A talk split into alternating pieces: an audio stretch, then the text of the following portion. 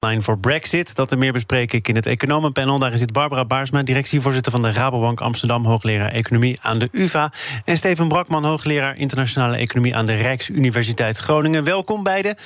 Um, laten we het hebben over uh, de dag van vandaag. Overleg op het Katshuis gisteren al. Crisisberaad, een extra ministerraad. Nu een uh, toespraak vanuit het torentje door Mark Rutte. De eerste geluiden zijn dat er een harde lockdown komt tot 19 januari. Barbara, ik begin bij jou, omdat jij volgens mij vorige week nog een pamflet hebt uh, geschreven samen met een aantal andere economen en ook aangesloten artsen, waarin je zegt het moet eigenlijk heel anders dan wat er vandaag weer bekendgemaakt wordt. Ja, ons punt destijds, en dat is nog vorige week, en dat is nog steeds geldig, is dat het kabinet eigenlijk twee dingen fout doet. Ten eerste doen ze te weinig om de kwetsbaren te beschermen. Uh, en anderzijds nemen ze de maatregelen die er wel genomen worden, die nemen de, de, de vrijheid, het werk, het inkomen en de opleiding van de niet-kwetsbaren. En met niet-kwetsbaren bedoel ik diegenen die niet kwetsbaar zijn voor een ernstig verlopende COVID-infectie. Uh, te veel, uh, nemen ze die vrijheid te veel weg. En wat ze nu doen is eigenlijk weer ongelijke gevallen gelijk behandelen. En het ontbreekt aan de politieke moed om in elk geval tenminste door te rekenen wat een meer risicogestuurde oplossing zou kunnen brengen uh, aan de maatschappij. En ik vind het echt teleurstellend, want 19 januari is ver weg. Dat vraagt heel veel mentale veerkracht van mensen. Dat zorgt dat we toch weer heel veel niet-COVID-patiënten ook weer achter aan de wachterij zetten. Uh, het, zet ook, het heeft ook grote economische repercussies. En um, dat allemaal om te voorkomen dat het, belast, dat het zorgstelsel overbelast raakt. En het zorgstelsel raakt niet overbelast als niet kwetsbaren besmet raken. En dat denken, die andere manier van denken. Ik vind het jammer dat we daar niet meer ruimte voor die creativiteit laten. En nu deze toch vrij harde maatregel weer moeten nemen. En dat betekent, jullie gaan uit van een ander afwegingskader. Ik heb het, uh, het stuk gelezen. Het gaat over proportionaliteit en subsidiariteit. Zet je het juiste middel in ja. voor het doel dat je wil bereiken. En jullie antwoord is heel duidelijk: dat is nu niet het geval. Nou, in ieder geval, wij denken dat het niet het geval is. Maar we denken dat we in elk geval moeten doorrekenen. We denken ook dat. Um, het bij een democratie als de onze hoort dat je je transparant en controleerbaar opstelt. En op dit moment is het beleid dat wordt gevoerd, de maatschappelijke kostenbaten daarvan, zijn gewoon niet te, te controleren. En onze um, inschatting. Hoe, hoe, hoe kun je maatschappelijke kosten en baten in een doorrekening tot zijn recht laten komen? Want het gaat om maatschappelijke baten. Dus dat... En aan heel veel dingen kun je toch. Uh, of in kwalitatieve zin, maar zelfs ook wel in kwantitatieve zin. Bijvoorbeeld uh, aantal gewonnen gezonde levensjaren, uh, aantal uh, um, werklozen, duur van de werkloosheid, de mentale gezondheid. Kun je toch wel uitdrukken in dingen die je tot op zekere hoogte kunt vergelijken. En op dit moment is gewoon niet duidelijk hoe die alternatieve um, maatregelen zijn doorgerekend. En waar dat toe leidt, is dat het draagvlak voor het beleid afneemt. En dat zie je nu ook. De reden dat dit striktere beleid vanavond waarschijnlijk wordt aangekondigd, is dat mensen onvoldoende hun gedrag aan die andere maatregelen hebben aangepast. Maar waarom doen ze dat niet? Omdat er onvoldoende draagvlak is. En ik vraag mij af of je meer draagvlak krijgt door striktere maatregelen te nemen. Wij denken dat het in dat manifest roepen we daar ook toe op. Reken door, maak inzichtelijk op grond waarvan je uh, deze besluiten neemt. Dat hoort ook bij een democratie als de onze. En dat, dan, dan, moet je dus met meer komen dan het aantal besmettingsgevallen, het aantal mensen in ziekenhuizen. Want dat is een afweging die je wel mag meenemen, maar die niet Tuurlijk moet je die meenemen. Dat zijn de baten. de baten zijn het voorkomen van uh, coronabesmettingen. Het, voor, het zo laag mogelijk houden van uh, de bezetting van de ziekenhuizen met coronapatiënten. Maar daarnaast zijn er bijvoorbeeld nog de niet-coronapatiënten. Daarnaast zijn er nog de maatschappelijke gevolgen in termen van wat het doet met straks weer die schoolsluitingen. Wat doet dat met kansarme leerlingen? Wat doet het met onveilige situaties thuis als mensen helemaal niet naar buiten kunnen? Wat, wat doet het met mensen als ze langdurig werkloos worden? Nou, nou, enzovoort, enzovoort. Dat soort dingen wordt nu, althans niet transparant en niet expliciet meegenomen. Het is heel erg korte termijn beleid, louter gefocust op COVID, op coronapatiënten. En eh, ik denk dat het er politieke moed en creativiteit voor nodig is om dat breder te trekken. En dat kan. Want we kunnen met sneltesten, we kunnen met ehm, de onbenutte productiecapaciteit die er is. Denk ik, ik zie hier allemaal taxis langs rijden. Die zijn uh, leeg. Als we nou de kwetsbaren beter zouden beschermen door hen bijvoorbeeld een voucher voor zo'n taxi te geven, zodat ze niet in het OV hoeven, uh, door hen uh, de, de, de, mogelijkheid te geven om een, um, met een voucher te krijgen om bijvoorbeeld een schoonmaker in te huren. En die schoonmaker die doet dan een sneltest waaruit blijkt dat hij niet COVID besmet is. Zo kan je een veel veiliger klimaat voor degenen die kwetsbaar zijn en in zelfquarantaine zitten. Steven, hoe kijk jij uh, allereerst naar wat er uh, waarschijnlijk vandaag wordt aangekondigd? En dan op de tweede plaats naar de oproep van een aantal economen en artsen onder de noemer Herstel NL. Nou, ik, ik, kijk nu naar een uh, raming van het Centraal Planbureau op mijn scherm. Uh, die waren vrij optimistisch als het bij één uh, lockdown zou blijven. ze hebben ook een ander scenario doorgerekend met de tweede lockdown. Is het Centraal Planbureau of is het de Nederlandse Bank? Want die zijn vandaag ook nee, gekomen. Ik, Nederlandse Bank is wat optimistischer dan Planbureau. Okay. Maar ik kijk nu echt naar de cijfers van, van het Planbureau. Die hebben dus ook een scenario. dat had, heeft betrekking op de tweede lockdown. Nou, dan zijn ze toch ja, somber over het volgende jaar. Dus het herstel zou eigenlijk volgend jaar goed ingezet zijn. Dan komen we ook weer terug op het oude niveau. Dat was eigenlijk de verwachting. Hè? Dus uh, harde klap, snel herstel. Nou, met die tweede lockdown uh, wordt het in ieder geval uitgesteld. We zitten volgend jaar waarschijnlijk toch nog tegen een uh, krimp aan te kijken. In ieder geval, dat is de verwachting van planbureau. De Nederlandse bank was geloof ik ietsje optimistischer. Maar goed, uh, we kijken nu tegen die tweede lockdown aan. Nee, wat ik met het manifest van Barbara, het goede daarvan vind ik dat. Um, kijk, waar zij bezwaar tegen, tegen maken, is het one size fits all. Dus eh, iedereen wordt getroffen door dezelfde maatregel. Terwijl de risico's heel verschillend zijn tussen verschillende groepen. Dus dat vind ik het goede aspect uh, van het plan. De moeilijkheid lijkt me de uitvoering. Kijk, jongeren die hebben veel minder last van corona. Die, uh, als ze ziek worden, uh, worden ze verkouden, krijgen ze misschien een griep. En daar blijft het dan meestal bij. Maar die mengen zich toch. Dus die gaan bij mij op bezoek. Hè. Mijn zoon die komt ook regelmatig langs. We gaan naar, ik ga naar mijn moeder toe. Dus die groepen, die, uh, van, die verschillende risico's lopen, die mengen zich met elkaar. Ja, hoe zorg je nou dat die uit elkaar blijven? En dat lijkt me in de uitvoeringssfeer heel lastig. Dus uh, het goede is dat, dat die risico, dat daar met kracht op gewezen wordt, dat die risico's verschillen. Maar hoe, hoe maar geef je daar nu uitvoering? Dit lijkt mij een dat vraag voor Barbara, want die heeft er ongetwijfeld over ja. Maar ik, ik zou nog Oh, je wilde nog iets aan toevoegen? toevoegen? Mag, zeker. Ja, dat, uh, Barbara die maakte net een hele goede opmerking. Die zei, ja, ons gedrag is verkeerd. Dus in economenjargon, uh, hoe zorg je nou dat de externe effecten van, van het gedrag van ons allemaal, dat die geïnternaliseerd worden?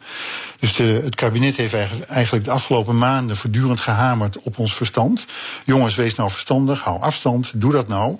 Dan komt het goed. Nou, daar houden we ons met z'n allen niet aan. Uh, en we zitten dus nu eigenlijk in een slecht evenwicht. Uh, dat iedereen die gaat naar de stad, merkt dat hij niet besmet wordt. Hè. De meeste mensen raken niet besmet. En de meeste mensen hebben er ook geen last van. Nou ja, en dan krijg je toch vanzelf dat het gedrag uh, nonchalanter wordt. Dus de vraag aan Barbara is eigenlijk: hoe zorg je nou dat het externe effect, hè, dus het gedrag van ons individueel heeft ook effecten voor de mensen om ons heen, dat dat geïnternaliseerd wordt. Nou, je kunt bekeuringen uitdelen, je kunt uh, een beroep doen op de ratio van mensen, maar ja, dat, dat helpt niet. Tenminste, voorlopig nog niet.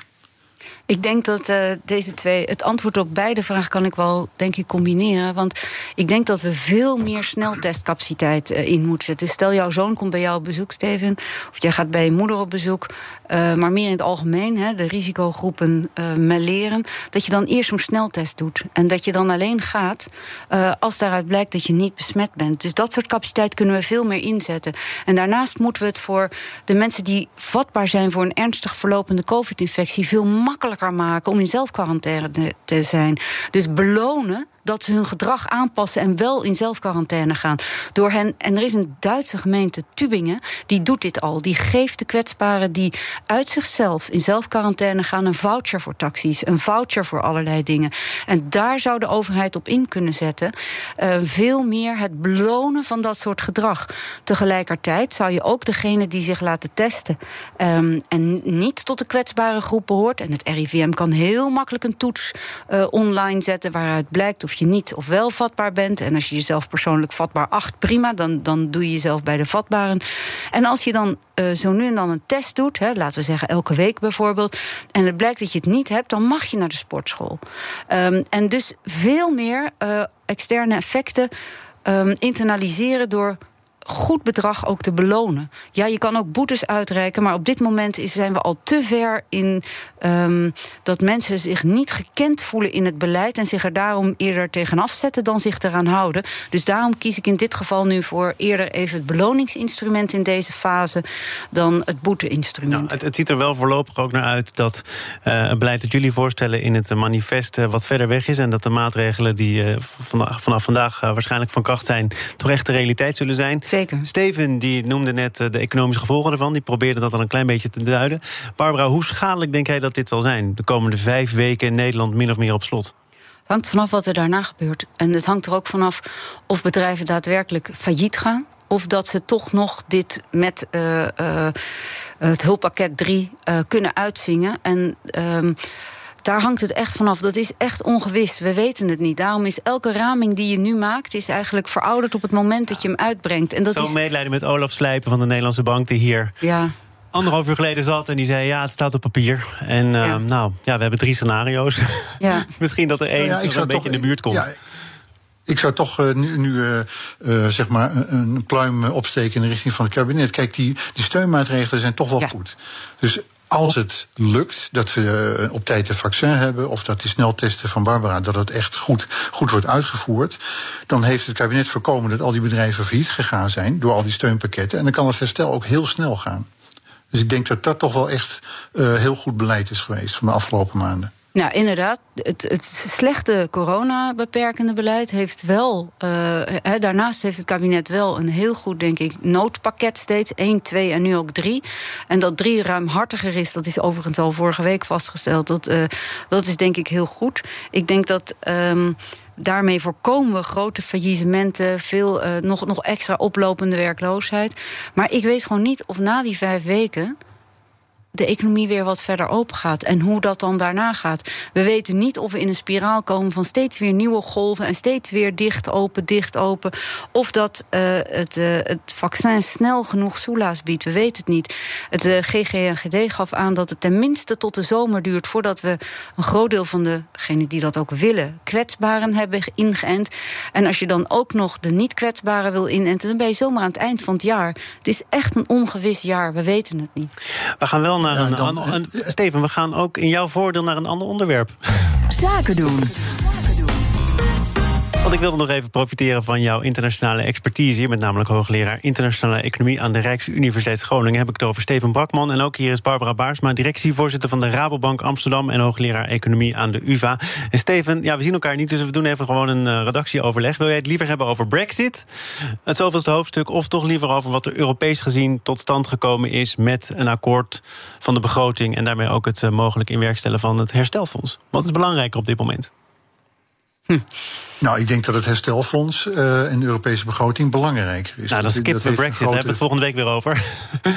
okay. En waarom, waarom, is dat, waarom is dat zo belangrijk? Want het, het komt al vaker voor dat er uh, om vijf voor twaalf nog een Europees akkoord is. Wat we toch al, ook allemaal hadden zien aankomen. Dat hebben we allemaal zien aankomen. Ik denk dat het deze keer wel serieus was. Um, kijk, waar, waarop gewezen werd, was het uh, rechtsstaatsbeginsel. Ik denk dat het ook heel belangrijk is. Europa is meer dan, dan alleen maar het uitdelen van subsidies. Uh, het, is, het is een groter project. Hè. De rechtsstaat hoort daar dan ook bij. Ik denk dat het toch wel fundamenteel is dat men daarnaar gekeken heeft. Dus als er landen lid zijn van de Europese gemeenschap en die gedragen zich niet zoals we dat graag zien. Dus wat nu aan de hand is met Hongarije en Polen. En dat we daar een punt van maken, dat vind ik heel, heel juist en heel goed dat dat gebeurt. Ja, welk punt is er precies gemaakt? Want het is eigenlijk uh, weer eens uh, op de iets langere baan geschoven, toch? Het is op de lange baan geschoven, maar het goede is denk ik dat het nu op de agenda staat. Dus dat was niet zo, het is nu wel zo. Dus zeg maar om, om te voorkomen dat we volgend jaar ingaan met een eh, begroting, met een noodbegroting. En het coronafonds, wat ook, ook niet helemaal onbelangrijk is, uh, dat dat niet van de grond zou komen. Dat zou toch wel heel schadelijk zijn geweest. En ik denk dat het goed is dat we daar nu aandacht aan geven. Uh, dat het wat op de lange baan geschoven is. Hè. De Europees Hof moet, moet daar een uitspraak over doen. Dat is vervelend. Dat, dat kan allemaal wat sneller. Maar het is goed dat het nu op de agenda staat. Ik denk ook goed is voor Europa dat we, dat we naar dit soort dingen kijken. Nou, maar dit gaat over andere waarden. Uh, dit is ook het economenpanel. Hè. Zou je dit soort waarden, zoals de staat van de rechtsstaat, moeten koppelen aan een begroting? Nou ja, je moet het koppelen aan het Europe Europese experiment. Dus we zijn, ja, al die landen werken samen. Het gaat op vele terreinen. Het gaat op het gebied van de economie, hè, dus het vrijhandelsgebied. Het, gaat ook eh, het heeft ook te maken met de euro, uh, vrij verkeer van, uh, van personen. Dus het is meer dan alleen maar een economisch belang. Ik denk dat wil Europa een bestaansrecht hebben, is het ook goed dat dit soort, dit soort elementen toegevoegd worden. Denk ook aan het milieu, arbeidsomstandigheden, dat soort zaken. Is belangrijk dat Europa daar aandacht aan geeft. Uh, verhoogt ook het bestaansrecht van Europa. Barbara? Ik ben het daar volledig mee eens. Europa is meer dan een economische samenwerking en bovenal een waardegemeenschap. En uh, wil je dat serieus nemen, dan moet je die dingen ook aan elkaar durven te koppelen. Ik heb zelf mogen meedenken destijds aan een verkiezingsprogramma waar dit ook in stond. Dus ik ben er blij om dat dit overeind is gebleven. Misschien wel enig uitstel kent, omdat uh, de, het daadwerkelijk inroepen van het uh, rechtsstaatmechanisme misschien twee jaar of zo op zich laat wachten tot er een zaak is geweest. Maar het is niet van tafel. Het is nog steeds aan de orde. En ik hoop dat daaruit alleen al een disciplinerende werking uitgaat op landen als Polen en Hongarije. Dat, want zij, zij weten dat dit wel degelijk met terugwerkende kracht over de nieuwe begroting uh, gevolgen kan hebben. Dus ik hoop dat zij um, de waarden, de Europese waarden die ons verbindt, die ons verbinden, uh, hoger in het vaandel zetten. Met dit akkoord uh, is er ook groen licht voor het Europese herstelfonds. Daar zit 750 miljard in. Uh, er moeten nog wel afspraken gemaakt worden en toezeggingen gedaan worden. Uh, wil je daar aanspraak op maken? Vanaf wanneer kan het geld nu eigenlijk gaan rollen, Steven? Vanaf volgend jaar. Dus uh, het, begint, het zat vast aan die begroting. Dus het was eigenlijk één groot pakket.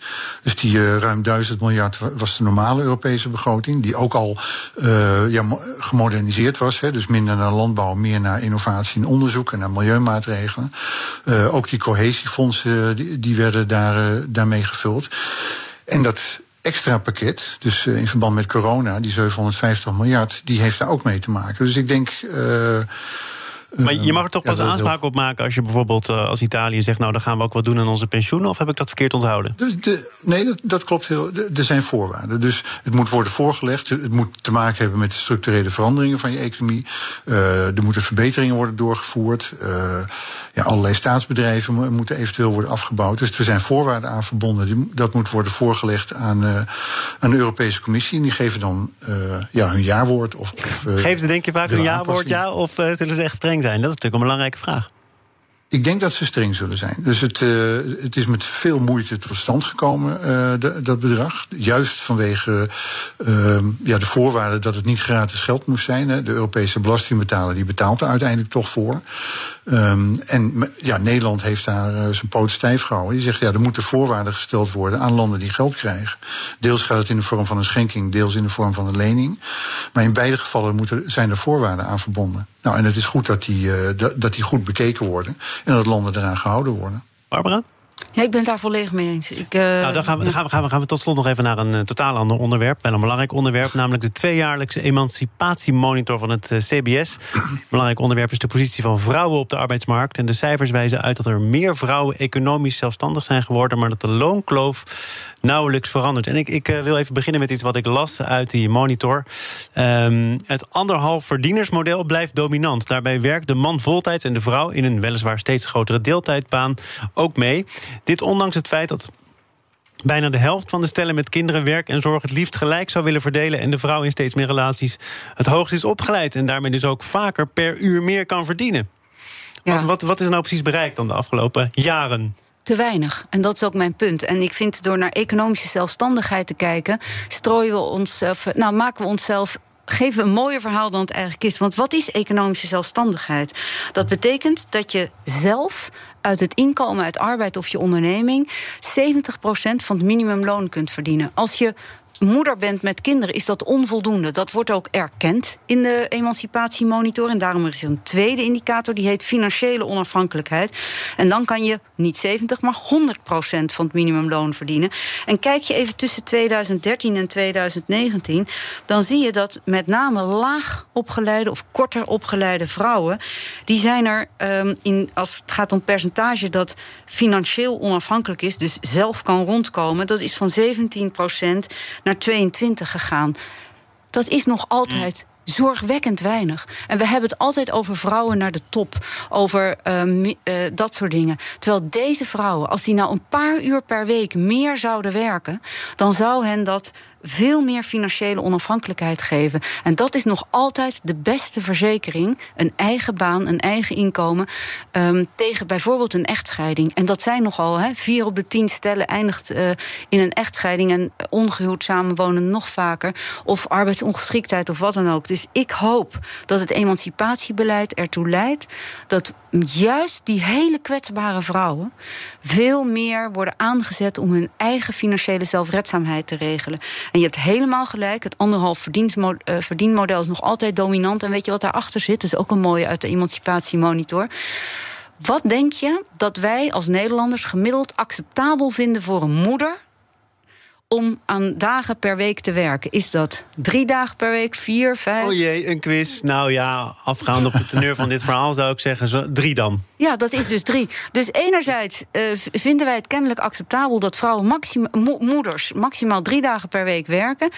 En zolang dat soort culturele opvattingen hoogtij viert, zal het anderhalf verdienmodel en dus de kwetsbare situatie van heel veel vrouwen, lager en middelbaar opgeleide met name, zal blijven bestaan. En het emancipatie emancipatiebeleid is wat mij betreft juist pas geslaagd als we die kwetsbare groepen veel meer zelfredzaam kunnen. Steven, welk emancipatiebeleid stel jij voor? Om hier echt schot in de zaak te krijgen. Nee, ja, nee het, het duurt allemaal lang. Uh, en het, we moeten er hard aan werken dat die, eh, dat die verschillen tussen man en vrouw gelijk getrokken worden.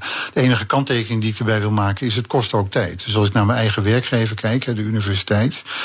Wij zijn pakweg tien jaar geleden hebben we heel serieus dit probleem aangepakt. En je ziet pas nu, dus echt tien jaar later, dat het effect begint uh, te krijgen. En wat betekent dat je het serieus uh, hebt aangepakt? Wat is er dan gebeurd?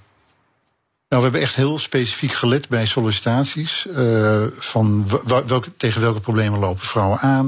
Uh, we hebben dan het fenomeen live event ingevoerd. Hè. Uh, ja, zwangerschap is nu eenmaal een ingrijpende gebeurtenis. Dus met de criteria waaraan mensen moeten voldoen, daar wordt rekening mee gehouden dat, dat dit soort gebeurtenissen kunnen optreden. En de vrouwen krijgen dan wat, wat meer tijd. Maar je moet ook niet onderschatten dat het tijd kost. Dus een academische carrière, om dat als voorbeeld te noemen, kost ook gewoon tijd. Je moet promoveren, je moet laten zien dat je het vak beheerst. Dan moet je werken aan het hoogleraarschap. Nou, dan ben je zo 15 jaar verder. Nou, dus tien jaar geleden zijn we begonnen met dat beleid. En je ziet eigenlijk nu uh, in mijn eigen vakgroep, ik ben vakgroepvoorzitter, uh, dat het resultaat begint te krijgen. Dus de laatste twee hoogleraarbenoemingen in mijn eigen vakgroep, dat zijn vrouwen. Maar hier ben ik het zo mee eens. Een positie aan de top is iets waar je keihard, ook als vrouw, net als man, in moet investeren. Je moet niet een quota vragen, je moet voltijds werken en je moet er keihard tegen aangaan. Waar het emancipatiebeleid vooral ook op ziet, is die kwetsbare posities. Dit staat om topposities en daar vind ik dat vrouwen echt zelf nog even fors aan de bak moeten om vooral meer voltijds te werken. Barbara Baarsma en Steven Brakman vormden samen het uh, economenpanel op een uh, dag die wat economisch nieuws betreft uh, wel eens minder vol geweest. Dus dank dat jullie daar je licht over wilden laten schijnen. Morgen dan is hier Hans van Haarst. Hij is de algemeen directeur bij Smit Zoon. Daar maken ze chemicaliën voor de leerindustrie. Dat bedrijf verloor door de coronacrisis zeker een kwart van de omzet. Maar er is nu een nieuwe uitvinding die het tij moet keren.